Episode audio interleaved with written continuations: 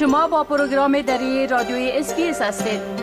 گزارشات عالی را در sbs.com.au دری پیدا کنید.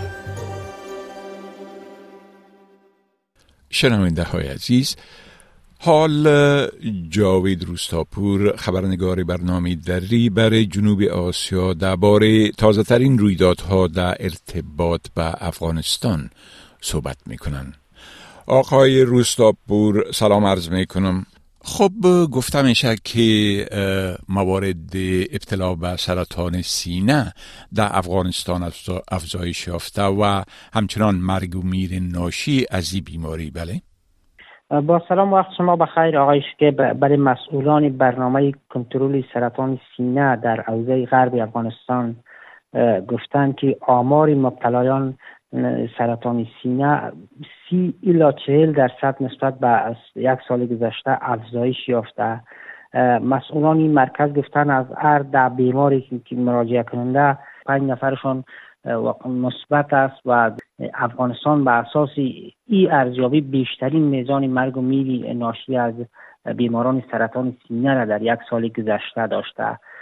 مسئولان این مرکز گفتن یکی از مشکلات که در افغانستان سبب بیماری میشه عدم آگاهی نسبت به این بیماری است و همچنان کمبود دسترسی به خدمات همچنان موضوع دیگه است که بیشتر زنان وقتی به مراکز درمانی یا شفاخانه ها مراجعه می‌کنند که بیماری از سرشان مرحله زیادی گذشته و این سبب میشه که بیشترشان جانهای خود را از دست بدهند.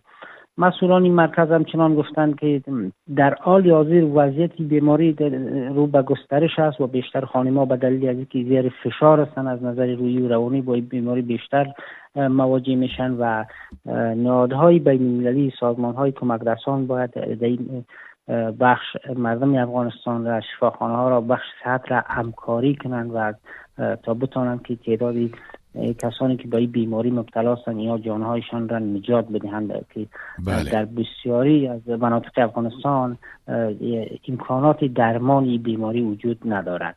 بله. خب گفتم میشه که طالب با گزارش اخیر اف بین المللی در مورد خلاف ورزی از حقوق بشر در ولایت پنچیر رد کردن. بله. بله این گزارش سازمان اف بین الملل مختص به ولایت پنشیر است. که در گزارش گفتن که طالبان دولت پنشیر جنات جنگی و مجازات گروهی را در برابر غیر نظامیان انجام دادن. هدف قرار دادن غیر نظامیان شکنجه کشتار اعدام در حضور مردم بازداشت های گروهی از بخشای از این گزارش هست که بر بنیاد ادعای عفو بین از سوی طالبا در پنشیر انجام شده. اما مانند گذشته بازم طالبان گفتن که ایرایه این گزارش سازمان سازمان عفو بین با وضعیت کنونی در پنشیر همخوانی ندارد و سازمان عفو بین خواسته که در میان مردم افغانستان گفته تفریقه ایجاد کند. زبیالله مجاهد سخنگوی عمومی طالبا گفته اگر کسی در جریان جنگ در پنشیر بازداشت شده بود دوباره رها شده و هیچ گونه کشتار غیر نظامیان و شکنجه در پنشیر وجود نداره و این گزارش فقط مخصوص ساختن ذهنیت جامعه است به گفته آقای مجاهد و سبب تفرقه و نفاق در میان مردم افغانستان است که کشورهای غربی و سازمان های هر از گاهی گفته چنین گزارش های گزارش های را گفته نشر می‌کنند بله خب در یک گزارش احسایه در افغانستان گفته شده که شمار ازدواج های زیر سن در یک سال گذشته افزایش یافته بله؟ اداره ایسایه و معلومات طالبان در یک سروی که در تا پایان سال 1401 انجام داده که سروی در همکاری و با حمایت مالی صندوق حمایت از کودکان یا یونیسف انجام شده. گفته که 38 اشاری 9 درصد دختران زیر سن 18 سال در افغانستان ازدواج می‌کنن و شوهر داده میشن. به اساسی سروی ایلبند و هرات 52 اشاری 3 درصد یعنی بالاترین ازدواج های زیر سن را با خود دارد و 27 اشاری 7 درصد نیز در کابل ازدواج های زیر سن صورت می‌گیره که این زنان اکنون بین 20 تا 14 تا 20 سال در بر می‌گیرن. در بخشی از این گزارش هم آمده که در بین زنان 20 تا 29 سال 9.6 درصد یا از 15 سالگی به پایان به ازدواج دادن.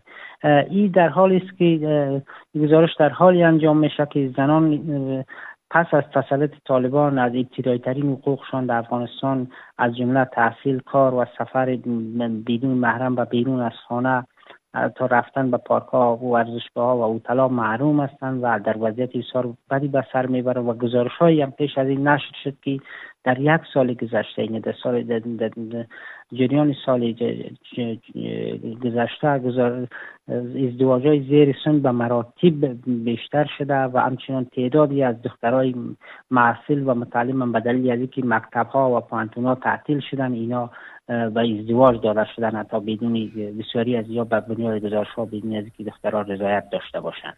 بله. خب بسیار تشکر آقای روستاپور از این گزارشتان و فعلا شما را به خدا می سپارم و روز خوش برتان آرزو می کنم. روز شما هم خوش خدا نگهدارتان. می خواهید این گونه گزارش ها را بیشتر بشنوید؟ با این گزارشات از طریق Apple Podcast، Google Podcast، Spotify و یا هر جایی که پادکاستتان را می گیرید گوش دهید.